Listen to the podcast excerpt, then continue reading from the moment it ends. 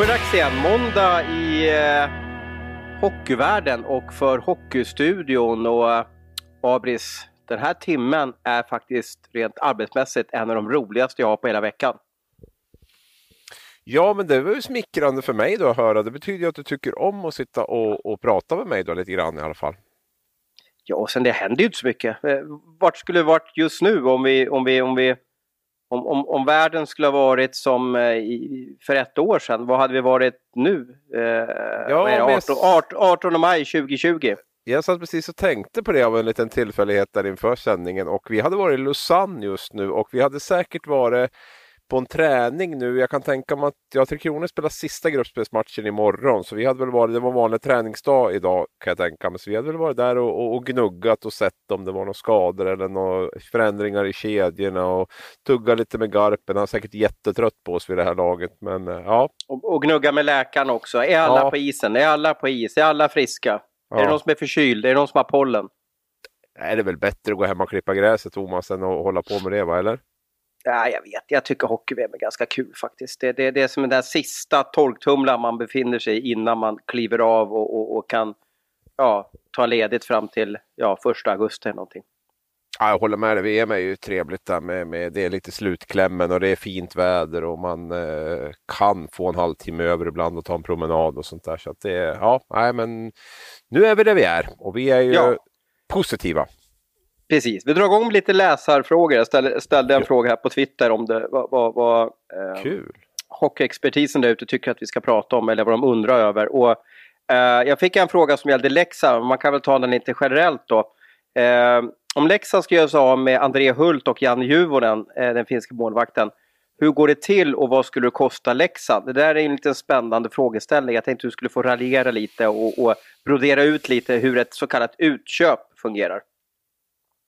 Ja, hur fungerar ett utköp? Det var en bra fråga. Nej, men alltså det, i det här läget nu så är det väl, eh, det, fin, det finns ju liksom två, två alternativ som jag ser det. Antingen så um, tar jag det här lite på uppstuds, men antingen så, så gör man ju ett utköp där man, där man kommer överens med spelaren om en, om en summa och där han är fri att uh, gå dit han vill. Eller också hittar man ju en överenskommelse med en annan klubb då, och där spelaren naturligtvis också måste godkänna den övergången. Då. Uh, så att det är väl de två alternativen som, som finns om vi börjar där. Då.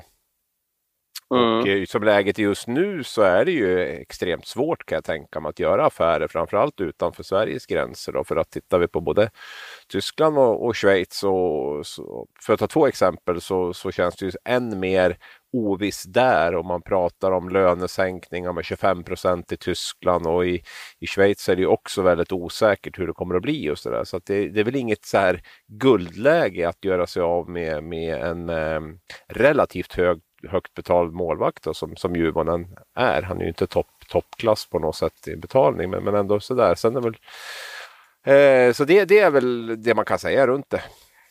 Vi säger att man har en målvakt då som eh, eh kostar 100 000 i månaden så vill en klubb bli av med honom innan säsongen. Ungefär hur mycket måste klubben betala i, i fortsatt lön, alltså procentsats av de här 100 000?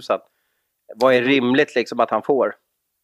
Ja, men det, är ju, det beror ju helt på hur attraktiv spelaren är. Det, där. Det, det, det är ju utbud och efterfrågan som styr väldigt mycket, så det är svårt att svara generellt på, på, på det. Va? Men, men, men är det en målvakt som, som det finns ett behov av och så, som, är, som är attraktiv och, eh, och så där så, så kan det ju vara att man inte behöver betala någonting. Är det åt andra hållet så, så kan det ju säkert Då har man ju, då har man ju som klubb kan- kommit ur det ganska smidigt. Ja, då- och är det åt andra hållet så kan jag väl tänka mig att det kan vara så mycket som upp till halva, halva lönen man måste betala för att, för att eh, då gö- göra sig av med en spelare, göra sig kvitt med en spelare. Då kommer man väl i ett läge där man får fundera på, är det, är det värt det liksom att, att eh, lägga så mycket pengar på, eller är det då ändå bättre att ha honom kvar och så. Men, men grovt så skulle jag väl kunna säga att någonstans mellan mellan ingenting och, eh, och 50 procent i alla fall kan det nog, kan det nog handla om. 50 procent av klubben kommer jäkligt lindrigt ur det, för de har ju på något sätt gjort fel. De har tagit ett, gjort ett åtagande på x antal år och så vill de bryta innan. Då ska man ju på något sätt lite bli straffad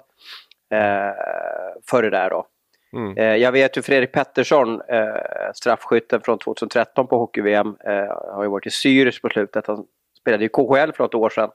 Och då hamnade han, eh, KHL-klubben ville sig av med honom.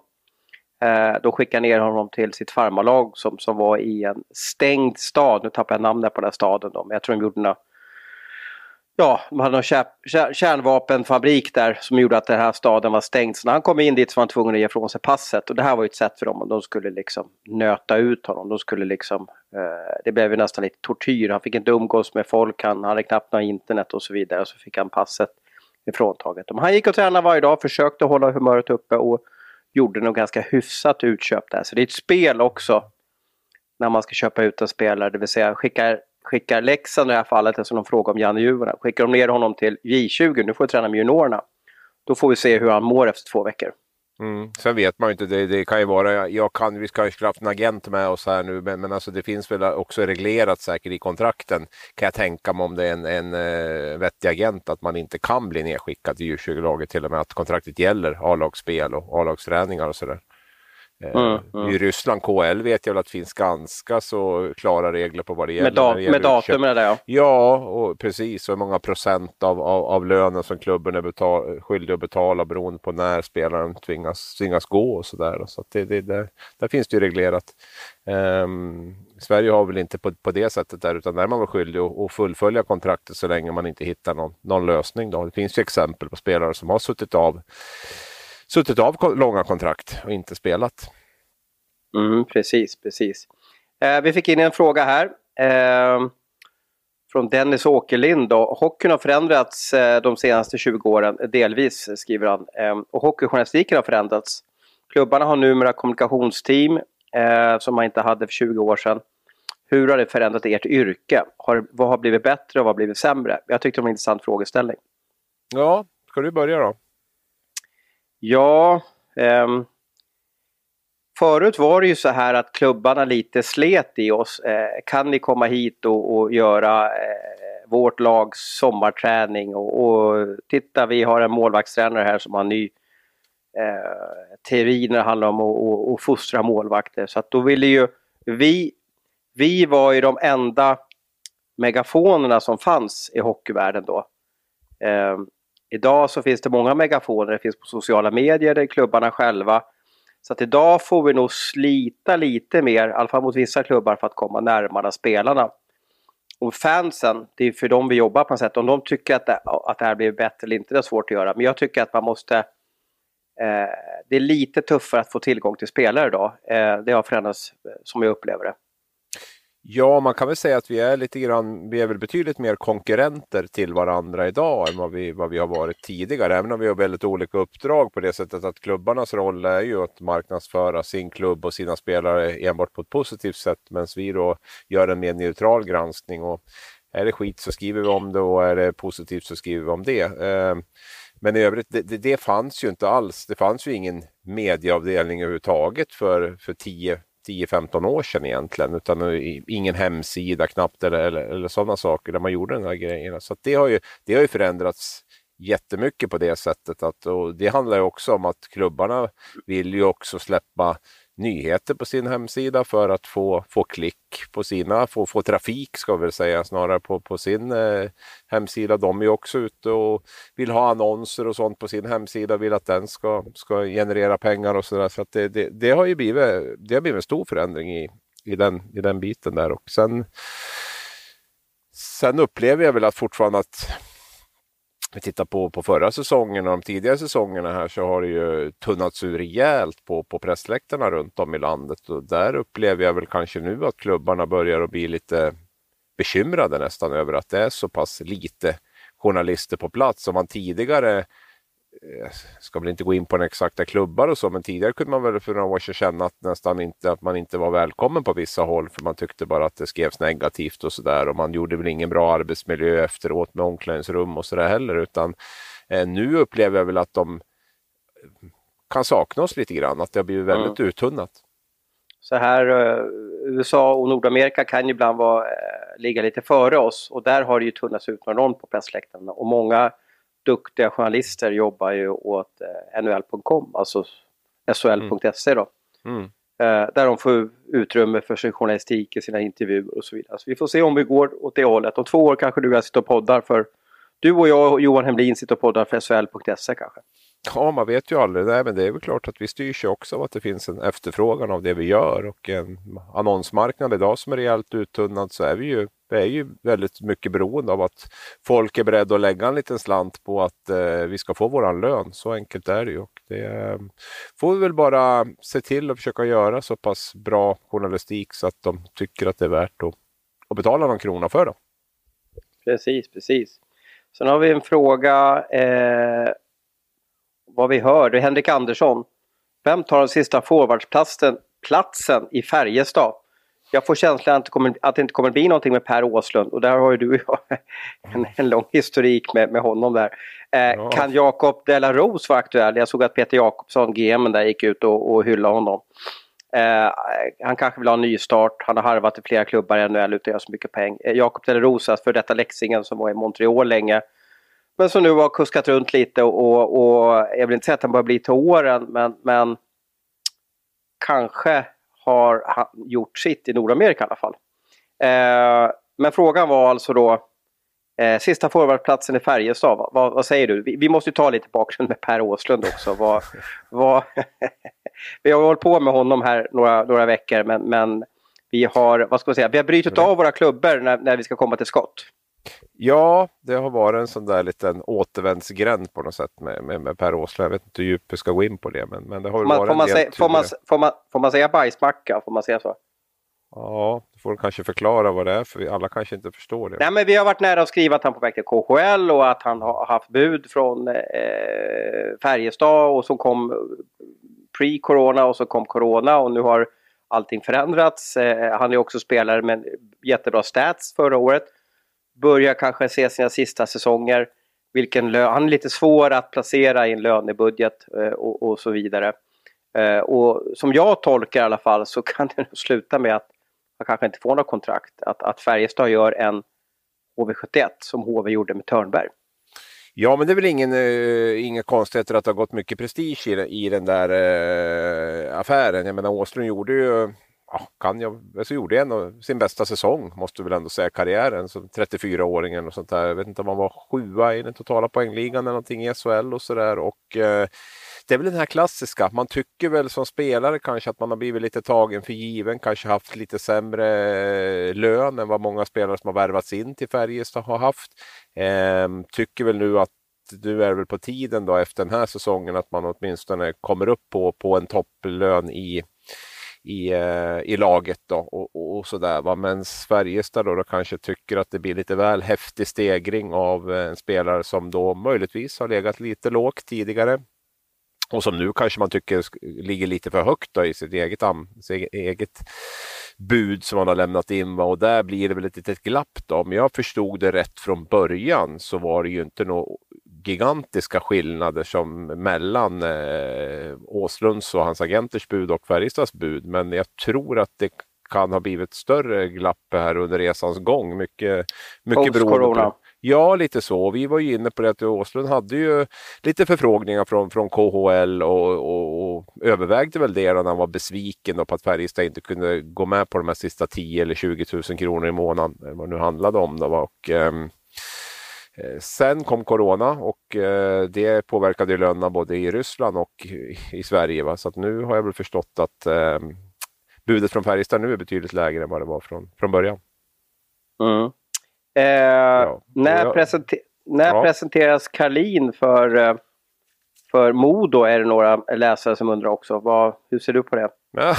Ja, den där har jag sett har förföljt dig på något sätt på Twitter. Jag var faktiskt inne och läste din tweet idag om, om Kalin där och det, det, stod väl någonting. Det var väl en sån här som man Ja, inget, inget äh, jättedramatiskt i det, men att Modo, vad jag förstod det som, hade gjort en förfrågan om, äh, om Kalin, äh, att, att det fanns ett intresse och du tyckte det var en bra värvning. Typ. Så att jag, jag är dåligt insatt i Kalin. Det var väldigt känsligt läge var det kan jag säga. Det var väl så att Modo-fansen gick väl som på, på, jag vet inte hur jag, hur jag ska beskriva det, men, men, men de gick på, kanske bet på naglarna där av frustration och så vidare. Så att, så att Eh, ja, vi, nu har vi fått nej från några tränare. De jagar väl Jens Gustafsson. Vi får se om den tickar in. Jag, det sista jag hörde är att de inte kommer ta Kalin. Han ligger, okay. ganska, ligger ganska långt ner på, på rankinglistan där. De vill ha en annan de vill jobba med Björn, fortsätta med Björn Hellkvist-stuket av hockey och så vidare. Den kanske inte Kalin står för.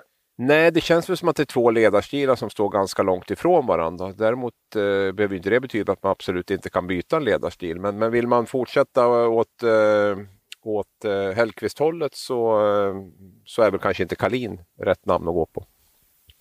Jens Gustafsson och Hellkvist har väl jobbat ihop, har de inte det i Oskarshamn? Ja, ja, ja, ja, Så det kan ju vara att Hellkvist också har hjälpt till den rekryteringen. Det kanske inte var så otroligt infekterat som vi, som vi har trott utan de kanske frågade Björn också eller han kände att han ville försöka hjälpa dem ett bra namn för att hitta något. Så det kan ju vara det kan ju vara så att eh, Hellqvist har, har lagt något gott ord för Jens Gustafsson där. Och Jens har ju varit utomlands nu och coachat. Han vill ju stanna utomlands men eh, Corona har ju förändrat spelplanen enormt så att eh, han kanske tar det jobbet som han, han får just nu. Han, han fattar själv att det, jag måste nog, får jag ett jobb i någon av de två högsta ligorna i Europa så får jag ta det direkt. Ja, det är otroligt viktig rekrytering för Modo också. Jag satt och tittade här om dagen. Det var nog din genomgång förresten av allsvenskan. Där det är klart att otroligt tuffa tapp och jag är ju inte superimponerad så här långt av nyförvärven där. Så att det, det, krävs nog en tränare som kan få ut mer av materialet om vi säger så än, än, än åt andra hållet för att, för att det ska kunna bli en, eh, ja, skulle jag säga en topp 4-placering kommande säsong faktiskt. Men vi får väl avvakta och se lite grann. De har väl en del, en del förlängningar eventuellt med befintliga spelare och eh, förhoppningsvis då några lite tyngre nyförvärv som, som kommer att komma in där. Men jag tror att det här laget som man har nu kan få det rätt tufft.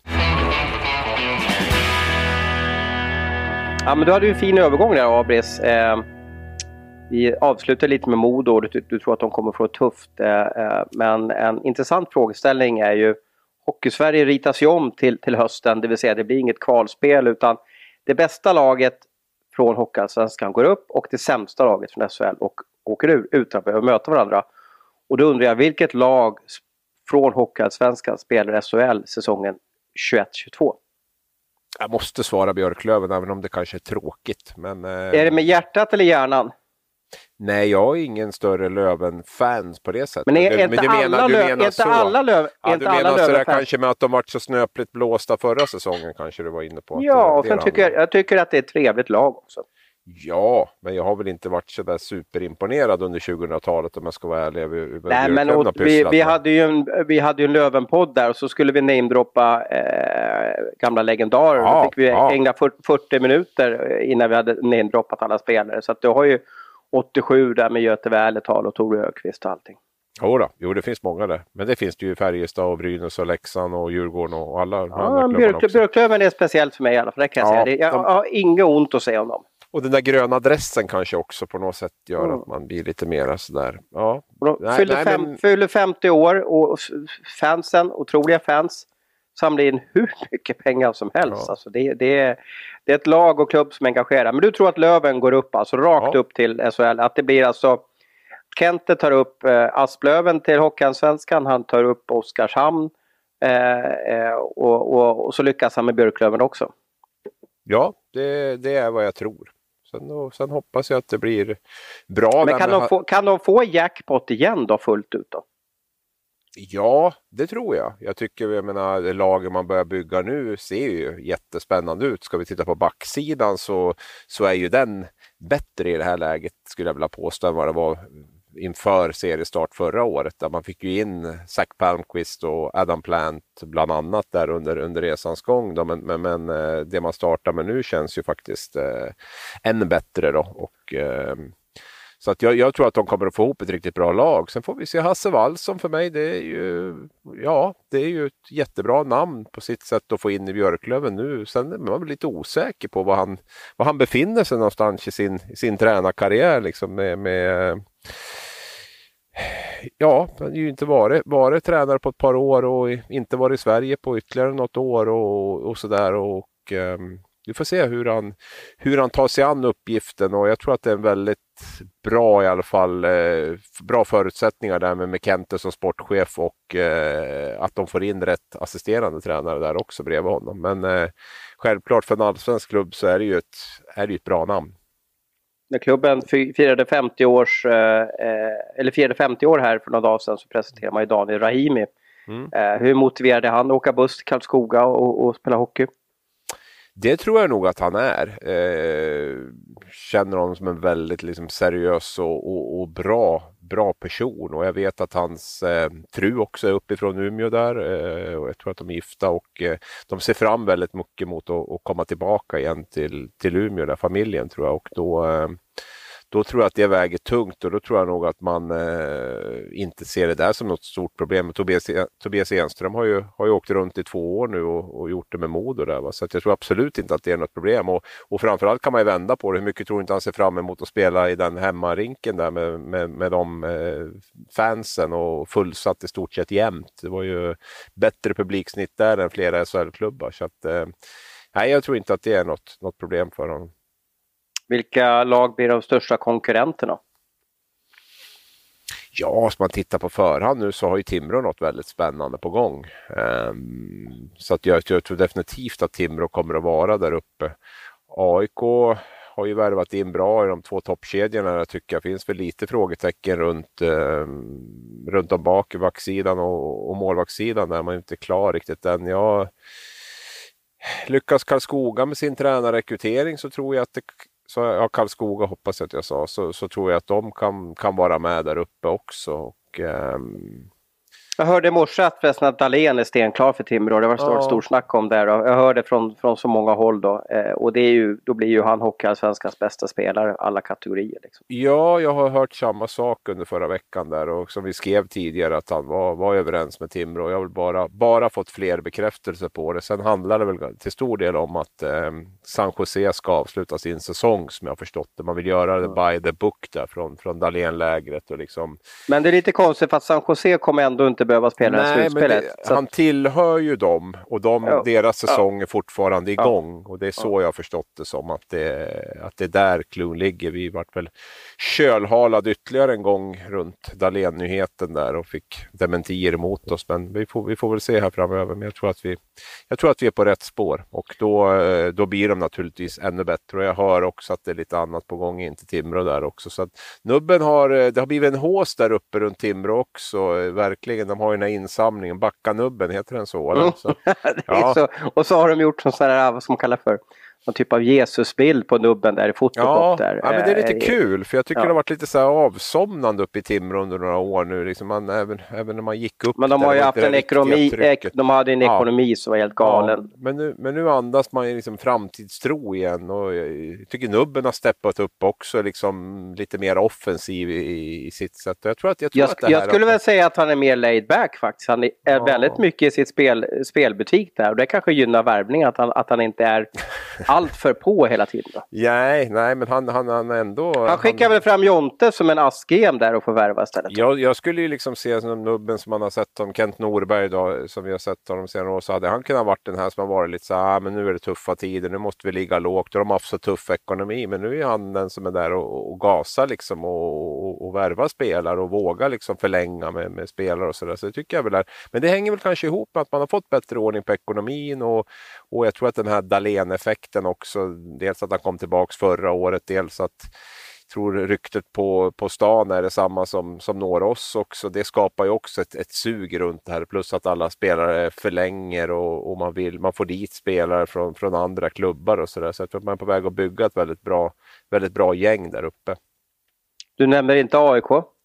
Jo, jag tror jag nämnde AIK, att de har två, jag tycker de har två bra toppkedjor. Mm. Jag tycker att det känns ihåligare neråt, eh, alltså både målvaktssidan och, och backsidan där. Och, eh, där, där får vi vänta och se lite vad, vad mer som kommer in. Då. Men det är klart att de ser väl eh, ser ju spännande ut. Jag nämnde Mikael Skoga också. Klart att Modo, beroende lite på vad som händer. Men jag, de har mycket pengar att lägga på spelare nu. Kan jag säga, med, med alla SHL-försäljningar och, ja, det och, och att hitta rätt också. Det gäller att hitta jo, rätt ja. på spelare där och sen gäller det att hitta rätt på tränaren liksom och verkligen få, få ett fungerande lag där också. För börjar man strö pengar på... på det är svårt på att värva utan tränare också. Det är lite speciellt att vara utan ja. tränare ja, 18 maj här. Det första agenterna frågar efter, vem kommer träna? Nu tror jag att det kommer att finnas ganska mycket spelare betydligt längre fram än vad det har funnits tidigare i och med att det är eh, mycket som är satt på vänt. Så att eh, jag tror nog Modo är klokt i att försöka hitta sin, sin tränare nu och, och sen försöka och, och, och, bygga de sista, sista delarna av laget här nu så att det blir så att tränaren också får vara med i det här och att inte Glader gör det helt på egen hand. Fredrik då som är sportchef där. Abris, det här är en djup fråga eh, och, och, extremt svår för dig. Eh, du heter inte Anders Tegnell utan du heter Hans, vad heter du mellannamn? Börje. Hans Börje Abrahamsson. Ja. Just det. Eh, startar hockeyn i höst? Normally, being a little extra might be a bit much, but not when it comes to healthcare. That's why United Healthcare's Health Protector Guard fixed indemnity insurance plans, underwritten by Golden Rule Insurance Company, supplement your primary plan so you manage out of pocket costs. Learn more at uh1.com. Ja, det tror nu får jag du hjälpa gör. alla. Nu får, nu får du liksom... Gör. Ja, du tänker på corona, är det det jag ska förklara? Ja, ja absolut. Det är bara mm, det ja. jag tänker på. Annars ja, tror jag inte ja, ska... jag, tror att, jag tror att den kommer att starta, men jag är inte alls säker på att den kommer att starta med publik och jag är inte alls säker på att det blir speciellt lyckat att spela utan publik. Jag tror att det var Johan Hemlin, då, VD, eller vice, sportchef och vice VD i SHL, som var ute och uh, uttalade sig nu i, i helgen och eh, sa att vi kommer att köra igång, eller målet är 19 september, det siktar vi på, och med eller utan publik. Eh, jag vet att Mikael Marshall sa samma sak om slutspelet för eh, någon vecka innan allt spel stoppades. Han sa att slutspelet kommer att bli oavsett eh, med publik eller inte publik och eh, vi vet hur det gick med det. Det tog inte lång tid innan man bestämde sig. Nu är väl förhoppningsvis situationen betydligt lugnare i september än vad den var i, i mars. Men mm. uh, jag tror att det blir jättesvårt att, få någon ja, någon vidare, något vidare tryck runt det där utan, utan publik. Samtidigt förstår jag, SHL är ju till väldigt stor del, till skillnad från många europe, andra europeiska ligor, väldigt eh, till stor del finansierad av tv-pengar. Det ska vi inte glömma bort. Och eh, vi har inga rika ägare, vi har inte det upplägget. Vi har en föreningsdemokrati och 51 procents regel och, och, och, allt vad det är. Så att, så, och plus att det har skrivit ett väldigt bra tv-avtal och det gör ju att eh, det är viktigt, viktigt, viktigt att eh, matcherna börjar rulla. Och det är klart att ju färre på läktaren, ju fler tv-abonnemang bör ju rimligtvis också säljas. Så det, det gynnar ju dels SHL-klubbarna som eh, får, in, får in sina tv-pengar trots allt, trots att de då förlorar sina publikintäkter. Och det gynnar ju sändande bolag då som säkert kommer att, att, att sälja fler abonnemang. Så jag förstår ju jag förstår ju logiken i att man resonerar så, men vi har ju båda upplevt, du har upplevt på plats och jag har upplevt framför tvn en publikfri omgång. Och, eh, ja, det är inget som lockar, men det kan jag lugnt säga. Eh, och vi har ju gnällt en del på Svensk Hockey, SHL eh, och, och, just gällande licenskraven. Det ser på arenor och, och, och hur, eh, hur tvn ska, alltså kameravinklar, arenor och vi har gnällt ibland på de här eh, ganska tuffa kraven på klubbarnas ekonomi. Bland annat så ska man ha ett eget kapital som är rejält tilltaget. Men det här måste ju ha räddat klubbarna nu också när de har tvingats att ha en hyfsad kassakista och en god likviditet. Tänk om klubbarna, eller tänk om det var för några år sedan att man, ja, strunt samma. Eh, och, och, så står man där med ett överskott på 100 000 och så blir man av med 5 miljoner i intäkter. Det är, det är horribelt. Eh, Frölunda ja. hade eh, som målsättning, de gick ju faktiskt plus förra säsongen, jag hörde mellan 5 till 10 miljoner. Beroende, beroende på lite hur de gör med överskotten och periodiserar det eller hur de skickar på framtiden. De har som mål att ha 60 miljoner i eget kapital. Och då äger inte de Eh, Eh, någon arena som Färjestad eh, gör så att det är väldigt svårt att jämföra eget kapital Färjestad och Frölunda. Men, men det är starkt om vi kan ha sådana klubbar som är så säkra rent ekonomiskt. Då, behöver, då, då, klarar vi av en kris som det här till och med. Det här är ju den största krisen vi haft sedan, sedan jorden bildades känns det som. Ja, sen ska man väl skilja på eget kapital och likviditet också, precis som du är inne på där. För att det, det finns ju också ett, en fara med den här jakten på eget kapital. Att man kan liksom övervärdera ett klubbmärke eller man kan lägga in ja, jumbotron. Och jag menar... Ja, eller spelare. En del lägger in spelare, att det är värden ja. i spelare. Och det kan ju vara att en spelare går sönder. Så Men jag menar, jag ser, så om man 10 miljoner i en jumbotron och har det som eget kapital. Det är kanske inte är så lätt att sälja en jumbotron för 10 miljoner när det, när det krisar. Liksom, Den annonsen vill man ju se på Blocket då. Liksom då. ja. Skellefteås jumbotron säljes. Ja. Liksom. ja. Ja, sån vore bra att ha i vardagsrummet. Ja, där är vi mot, ja, vad som är viktigt i det här. För ibland kan det bli en jakt på eget kapital som, som blir liksom snudd på absurda proportioner på något sätt. Där man, där man lägger in stort sett allting i, i eh, försöker värdera in allting i ett eget kapital. Men, men att man har lite, lite likviditet, lite eget kapital, lite pengar på banken. Det är ju givetvis jättebra. Och det är som du säger, vi har några klubbar som är väldigt starka i det här. De klarar sig naturligtvis mycket bättre på, eh, i, i en sån här situation. Samtidigt har vi några klubbar som knappt har något eget kapital likviditet alls. Då. De får ju det mycket tuffare. Ingen stor ägare heller som kan gå in och, och lägga in några pengar. Så det, det, det, det, kommer att, det kommer att svida på sina håll. Det man kan säga är jag läste nu om, eh, tror att det var Simon Semberg, eh, tidigare på IHF, numera för Euro Hockey Alliance eller något sånt där. Eh, som sa det här med att Dell, Dell, tyska ligan, då, de ska ju sänka lönerna med 25 procent. Är de inne på. Och, eh, det kan... de, vill, de vill göra det, det är en förhandling ja. mot spelarfacket. Ja. ja. Ja, och det är väl ett sätt att och, någon mer som, som tror att det är enda vägen de kan gå, annars kommer de gå omkull. Schweiz har väl också värderat det här med lönesänkningar. SHL ska vi säga har sänkt med 7,5 procent. Jag blir inte förvånad om eh, publikfria matcher också kommer att leda till att spelarna kommer att eh, få gå ner ytterligare eh, procent. Ja, du menar med permitteringsprocenten som man får gå ner med? Ja, man gjorde ju en sån mm. överenskommelse där då med, med, med, med spelarna där. Eh, som, att, som att man har gått ner de här 7,5 procenten. Och, eh, jag vet att Schweiz har ju fått en jätteslant där eh, från schweiziska staten för att, för att hockeyn ska överleva. Eh, en, en otrolig summa, nu eh, minns jag inte mm. ens ja, om, nej, om, om det, det handlar om miljoner eller miljarder vad det var för något. Men de har ju fått ja. en jätteslant för att klara av det här.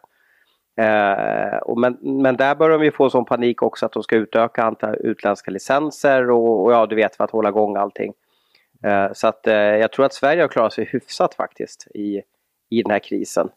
Um, ja, och jag, tror, jag tror att det kan komma lite roligare spelare till ligan för det är kanske det man vill se till slut.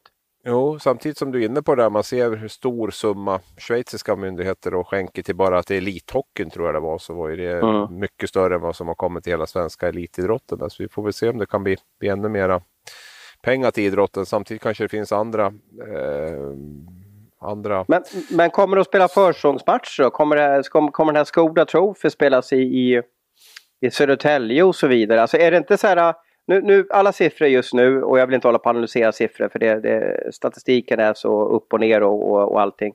Men, men all, många säger ju att under sommaren så kommer siffrorna gå ner för det är varmt och, och, och vi är utomhus mer och så vidare. Men sen finns det ju när kylan kommer till hösten och 5000 sitter inne på hockeymatcher, inte risk för att spridningen kommer igång igen då?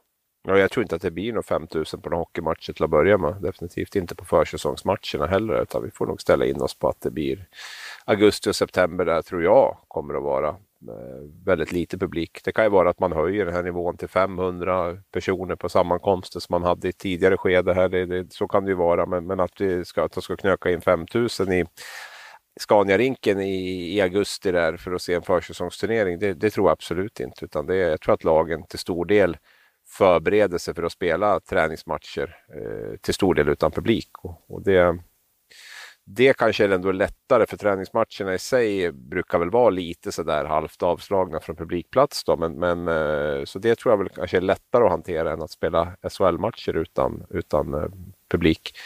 Men tittar man i stort så har väl SHL ändå klarat sig ganska bra ur den här svensk hockey ska vi säga med tanke på att hela grundserien kunde spelas. Och man har nu ett halvår att se på lite grann. Vad är det som händer, hur går det för andra sporter som drar igång, vilka misstag gör de? Och så vidare. Så det är klart att de har, de har ganska bra förutsättningar mitt i det här kaoset att, att ändå hitta bra lösningar, det tror jag.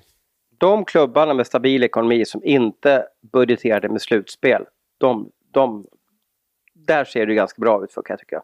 Ja, samtidigt, jag menar hur länge klarar man sig utan, utan spel med publik? Jag menar Frölunda med Skandinavien, det är klart det är många miljoner som försvinner där varje hemmamatch som, som inte kommer in. Och det är klart att det, det är klart att man klarar ju någon månad eller två eller tre, men, men på lång sikt så, så går det ju absolut inte. Och, och, och, och inte få några intäkter på sina på sina hemmamatcher. För jag skulle kunna tänka mig att eh, in, ja, det är ju, det är ju om inte hälften av, av intäkterna så är det ju väldigt mycket pengar i alla fall som kommer in den vägen med allt vad det innebär med loger och restauranger och publik, rena publikbiljetter och, och allt sånt där. Så Souvenirförsäljning. Ja, ja. Så det är ju, det är ju jättetufft och jag tror att blir det så under längre tid så tror jag att det kommer att pausas med, med kontrakt och så också. Att man, man måste liksom ta en paus. Man kan inte betala ut de här miljonerna varje månad som det handlar om för, för spelartrupperna utan då, jag tror att det kommer att, att bli en, en pausering där i så fall. Men det här är ju, jag är ju inte Anders Tegnell som du sa och det, det är ju, stämmer ju väldigt bra och jag tror inte ens han mm. vet hur det kommer att se ut. Så att vi, det blir fast mycket spekulationer. Du, fast du funderar väl en gång per dag Kommer hockeyn starta i höst? Gör du inte ja, det? jo, men det, det, gör man väl. Och hur det är, våra, det är våra jobb som är på spel också på något sätt. Alltså, det är klart man är lite orolig privat. Hur, Ska det fortsätta så här med misären? Ja, det blir svårt att sitta och torrro ett, eh, ett halvår till, höll jag Nej, men det är ja. klart att spelas det matcher så har vi väl saker att skriva om. Men, men det är ju, idrott handlar ju, det har vi väl blivit väldigt påminda om nu, att idrott handlar väldigt mycket om eh, engagemang, känslor och publik och, och, och, så för att det ska bli för att det ska bli den här totalupplevelsen. Och det är klart att det, det blir lite annorlunda, men det är klart det kanske blir ett jäkla tryck på sociala medier och, och på sajterna nu då istället om inte folk kan leva ut eh, på, på matcherna så kanske man det blir ännu, ännu mera tryck där då. Då, eh, då kan, det ju, kan det ju bli intressant också och väldigt mycket, mycket rapportering för våran del. Om det nu spelas matcher, men det, det, det tror jag att det kommer att göra spelas matcher. Är vi, får väl, vi får väl ta dig på orden där att du har helt rätt. Jag, jag, jag har inget emot att du har helt rätt i den här frågan. Vad var det jag sa då?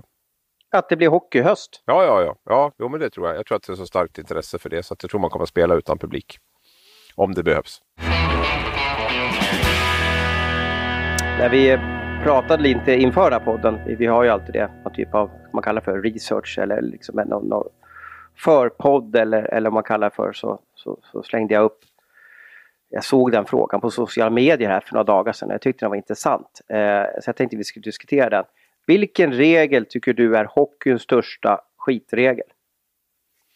Ja, då skulle jag nog faktiskt säga Uh, att jag ta, inte min, bort... ta inte min, ta Nej, inte min, ta inte min. Jag tänkte på det, men jag tänkte jag var glad att jag skulle få börja, men jag tror kanske inte det. Men det är ändå, det är ändå videobedömningen där som jag skulle vilja ha bort och det är kontakt med målvakt framför allt. Jag kan köpa att man har videobedömning vid eh, pucken över linjen och hög klubba. Men i övrigt så tycker jag att domarna på isen ska göra den bedömningen. Jag tycker vi hamnar i en riktig återvändsgränd när det gäller det. Tog jag det nu eller?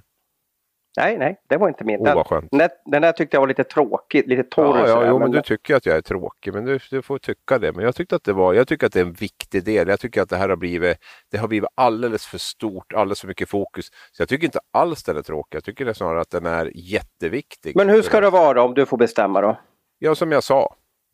Ja, men att... ut, utveckla lite. Att domarna på isen avgör om det är mål eller inte. Är det så du menar? Eller? Ja, kameran kan, kan man ta till hjälp om pucken är över linjen eller om det är hög klubba. Det är de två jag kommer på spontant nu. Sen kanske finns någon mer. Men den här toucharna på, på benskydd, de här skridskospetsen in i målgården, att vi ska ha en granskning på det. Där måste vi ha ju ändå, vi har fyrdomarsystem nu. Vi har ett bättre samarbete än någonsin. Är du på väg på toaletten eller vad gör du för någonting? Ja, jag var tvungen att röra på mig lite här. Ja, eh, och sen eh, vi har ett bättre samarbete än någonsin mellan, eh, mellan eh, de fyra domarna där även eh, assisterande domarna eller linjedomarna är med och, och liksom kan säga sitt och se saker. Så här.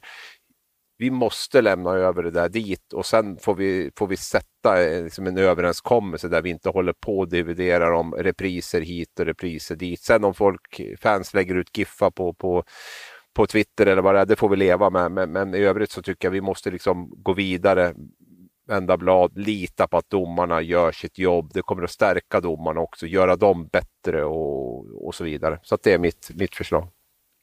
Mm. Mm.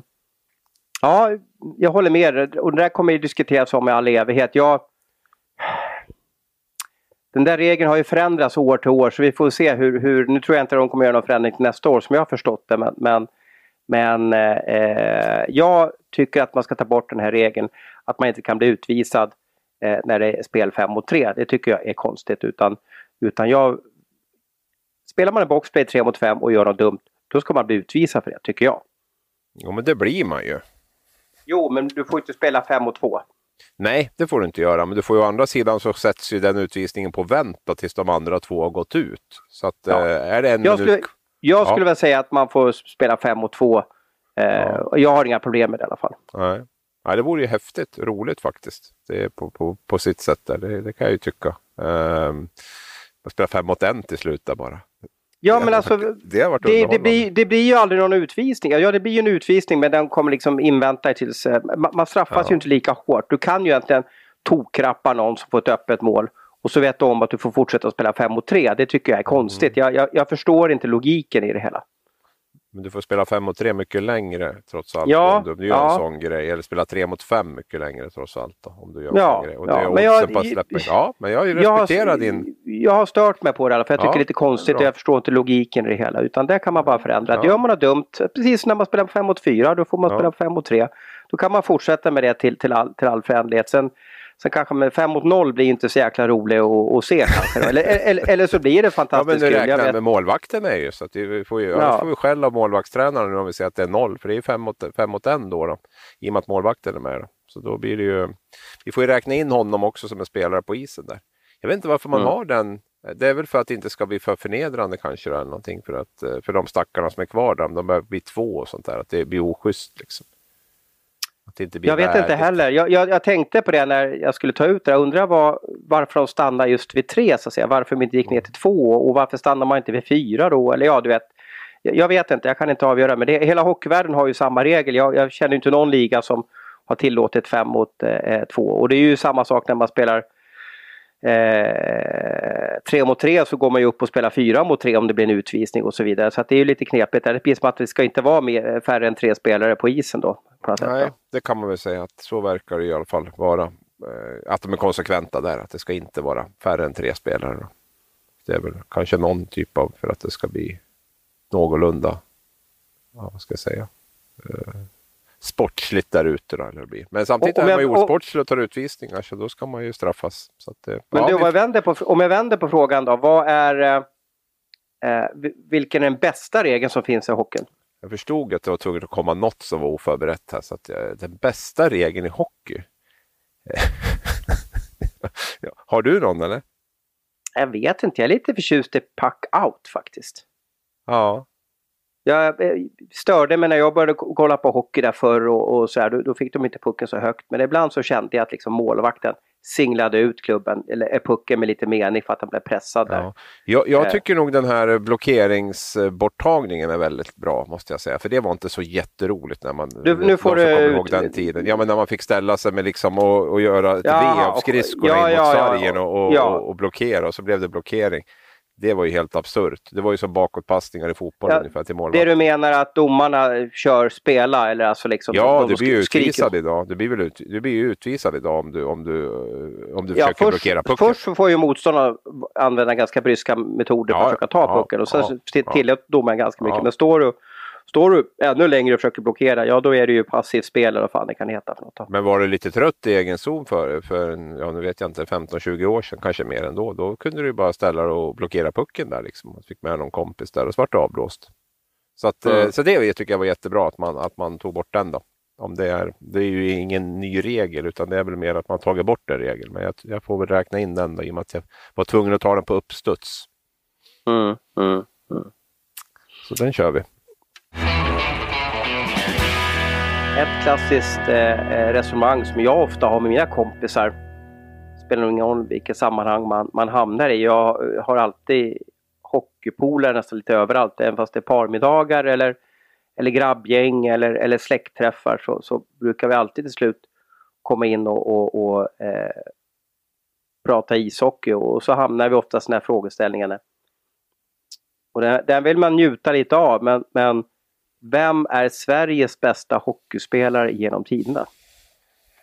Jag önskade att du skulle ta bort den punkten där, för jag tycker den är så svår. Jag ska inte säga att det är som att välja sina barn, för det är ju att ta i, men, men jag tycker den där... Men, jag, jag måste, alltså för mig blir det ju Peter Forsberg och Niklas Lidström ändå, att det stannar, fastnar någonstans där och då kan jag väl tycka att eh, Lidström rent hockeymässigt är den största eh, på sitt sätt med, med är det sju Norris Trophy bland annat. Ett antal mm. Stanley Cup-titlar, OS-guld, VM-guld. Men, men du är född 1969, mm. eller hur? Mm.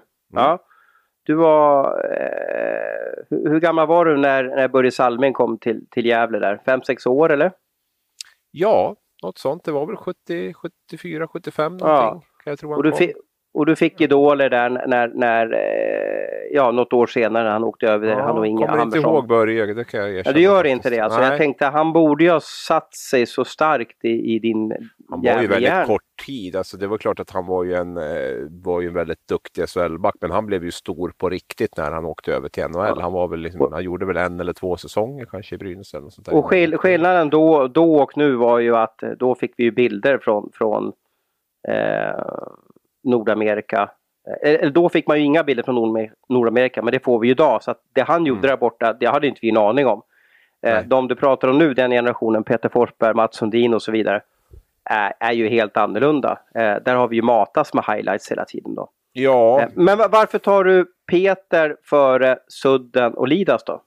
Ja, det är ju en jättebra fråga. För mig var ju Peter, alltså det var väl hela hans, dels hans spelsätt. Att han liksom, jag säger inte att de, de, andra var ju troliga på att ge allt också, men just det här att det var han spelar ju hela tiden med en sån aggressivitet och sån vilja att vinna som verkligen syndes utåt och han kunde åka runt och proppa och han kunde bli riktigt förbannad och, och sådär. Plus den här spelskickligheten som, som han hade som var exceptionell. Alltså det, är just, det, det, den kombinationen mellan det här eh, mellan de två sakerna som jag tycker eh, sticker ut framför allt på honom. Sen blev han ju väldigt så här, eh, ska jag säga det, man, man, man har medlidande med honom också med alla hans skador och det här på något sätt. Det vart ju som en följetong runt allt med, med hans fötter och jag vet, jag var ju själv höll på och skrev mycket om det där och jag tror inte han uppskattade allting som han skrev om det där med diverse läkarbesök i Göteborg och, och allt vad det var för någonting och så. Men, men hela hans hockeyhistoria. Eh, det hände ju någonting hela tiden runt honom. Och, eh, för, mig, för mig. Sen får man inte förglömma att han var extremt skicklig också med, med, med pucken och, och, och, spelet i stort. Så att, eh, nej, jag, ska jag säga något så blir det Peter Forsberg. Jag funderar ju också på, det gäller väl många spelare av Peters, eh, från Peters generation, det jag undrar hur många poäng han har gjort idag Alltså ser man den här liksom grab-hockeyn som var när han höll på, alltså de slog ju honom och de, de höll i honom och så vidare. Va? De kunde ju stoppa honom med fysiska medel, det får man ju inte göra idag. Eh, så att jag tror att han hade, han hade ju varit liksom Crosby-klass om han hade varit NHL idag. Det hade ju varit en, en fullständigt ostoppbar maskin där borta. Ja. Men jag, jag håller inte med dig. Nej, vad skönt. Det är inte SVT eh, Morgonsoffa det. Nej, precis, precis. Um, Peter är en fantastiskt duktig hockeyspelare, kanske Sveriges mest sevärda hockeyspelare genom tiderna. Eh, kanske stoppades hans karriär lite tidigt på grund av skador. Eh, meritlistan är otrolig. Eh, men, men jag säger Niklas Lidström måste jag ändå säga, för jag tycker inte han kunde gjort någonting annorlunda. Eh, jag tycker att han har varit perfekt under varenda säsong han har spelat. Och hans meritlista med sju Norris Trophy eh, och, och alla Stanley Cup-ringar är helt otroligt. Och sen OS-guldet 2006. Eh, precis som Foppa har han ju aldrig vunnit SM-guld. Eh, Mats Sundin har väl ett SM-guld med Djurgården. Jag vet inte hur delaktig han var riktigt i, i, i det. Ja, väldigt ung. Ja, precis. Eh, men, men ja, de här största har ju inte vunnit SM-guld kanske. Men det är ju också förståeligt för att de var ju så duktiga så de skulle ju över till världens bästa hockey, hockeyliga och då får man ju aldrig någon möjlighet att vinna SM-guld egentligen. Nej, jag tar Lidas. Eh, perfect Human. Tycker att han eh, rörelsemönster på isen är magiskt. Eh, hans, hans sätt att, att lura motståndarna tycker jag är otroligt. Eh, och så kanske jag också blir lite färgad av att jag tycker han är så jäkla trevlig också. Jag, jag vet inte, jag tycker att han är så, så snäll och, och harmonisk och, och kommunicera med. Ja, nej, jag kan ju inte säga emot det. Det går ju inte. Det är helt omöjligt. Så att sen tycker vi att Peter Forsberg också växte otroligt just med den här mediala biten och vi har ju även träffat honom efter karriären och jag tycker han är eh, väldigt bra, har varit väldigt bra att göra med de gånger jag har träffat honom i alla fall och jag tror, att inte, jag tror inte du har någon annan uppfattning där. Men, Nej. Eh, jag tror, jag tycker alla de här stora hockeyspelarna på att telefonen kan ringa, fans kan slita och dra igen. Men de är bara så coola, bara hanterar det som att ja, ingenting alls har hänt.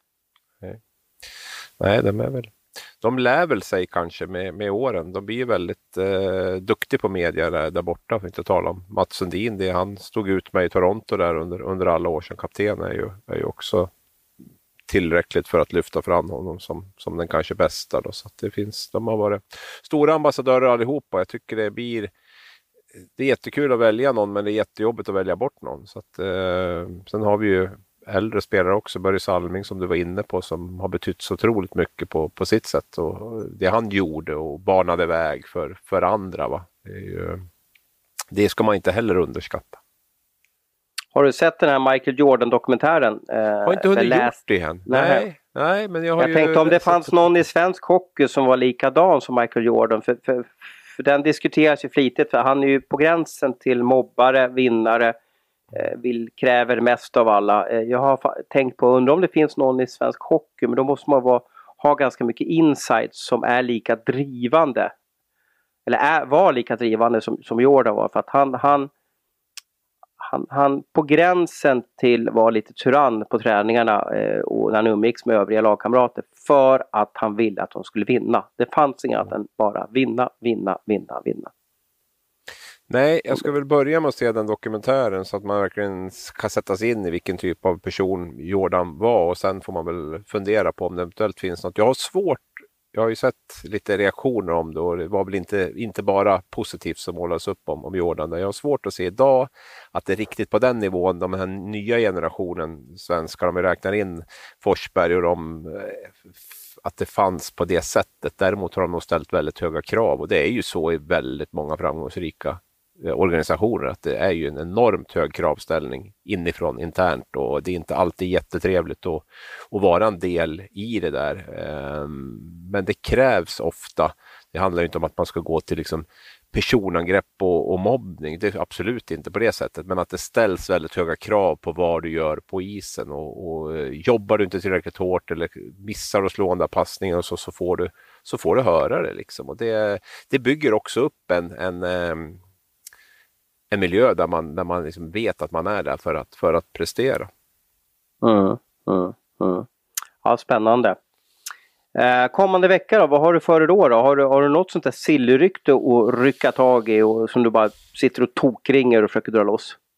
Nej, det känns som att det har lugnat ner sig ganska mycket nu. Jag tror att de flesta klubbar är, det kommer att ramla in någon strövärvning. Men tittar vi senaste veckan så har det varit extremt lugnt. Eh, Växjö har väl presenterat Robert Rosén som vi har eh, skrivit om för länge, länge sedan och Örebro har presenterat Robert Leino som vi också skrivit om för länge, länge sedan. I övrigt har det knappt varit en enda värvning. Så att det, det känns som att det har stannat av lite grann.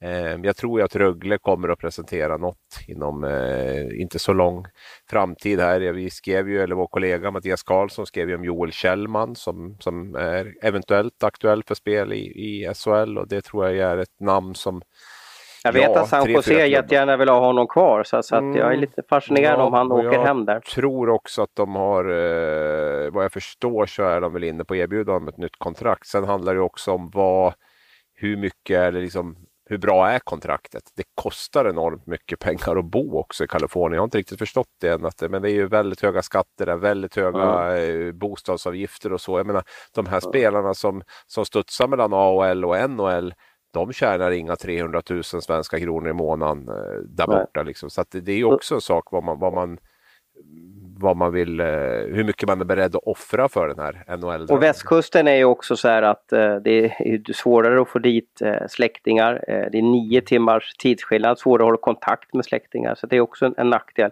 Fördelen med San Jose är att de har ju farmarlaget i samma stad så att det är lätt att, ja. att byta. Sådär. Och, och, och, det är ju så också för klubben att för dem kostar det så lite en sån spelare. Så de kan ju säga ja vi är förvånade, vi tycker att han ska vara kvar och sådär. Ja och för dem, för dem är det ju, för dem behöver knappt lägga några pengar på en sån spelare och sen plockar man in Händemark i samma veva. Det är klart att det Good meat for cheap money. Ja, exakt som du är inne på. Va? Så att, så att eh, det är två lite olika verkligheter för, för klubbarna och för, för spelaren där. Och jag menar, går du sen till Ryssland så är det ju betydligt, betydligt bättre pengar för en sån spelare att tjäna än, än vad han gör i, i, i NHL.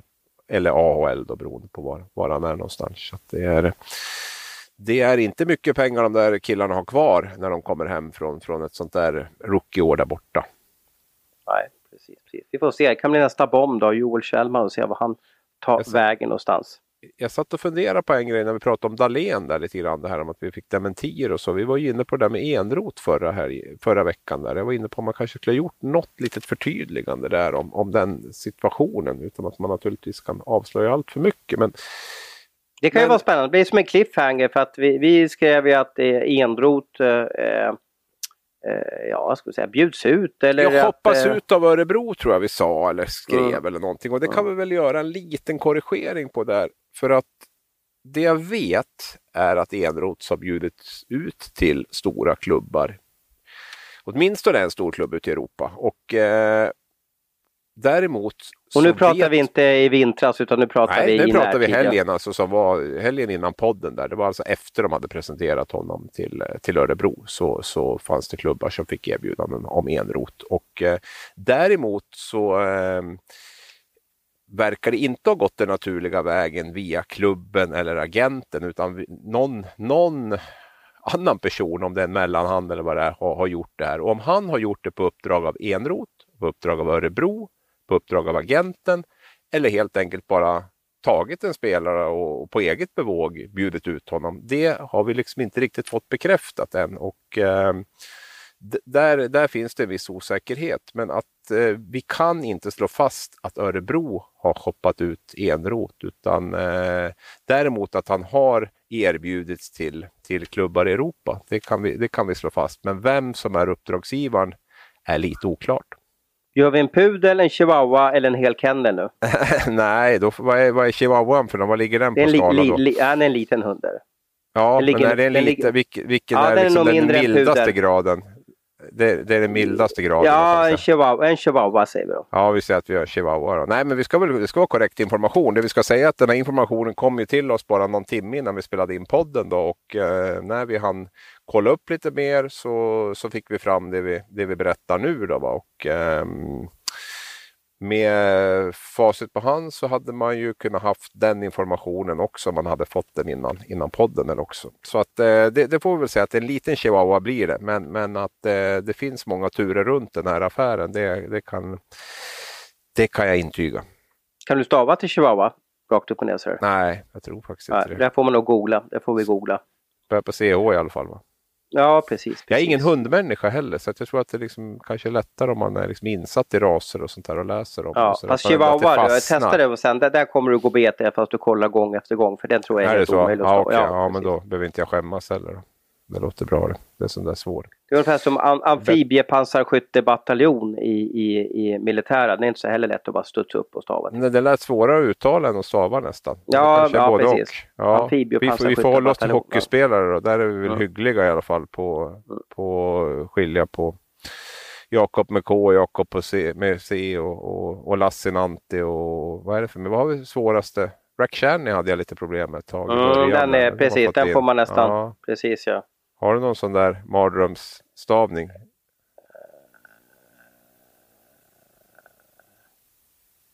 Alltså, Elite Prospect räddar en ju gång, gång efter gång. Det, det, den är jo. ju helt otrolig när man går in och dubbelkolla eh, vad det är då så att säga. Vi, vi hade ju någon kollega som stav fel på Gretzky, den vill man ju inte vara med om riktigt. Då, så att säga. Men, nej. nej, så att, så att eh, det är väl, Rakhshani är väl okej okay att placera ett H på fel ställe men, men Gretzky med S blir ju, ja, sådär bara kanske. Liksom. Ja. Ja. Ja, så är det. Du, eh, tack för att du gjorde min eh, eh timme här mellan 11 och 12 på, på måndagsförmiddagen mycket lättare och trevligare. Ja, men tack själv. Och vi får väl hoppas att vi har eh, gjort livet lite lättare för någon enda person där ute. Då har vi ju, då har vi ju uppnått mycket med, med den här timmen. Tack alla ni som lyssnade och vi hörs om en vecka igen.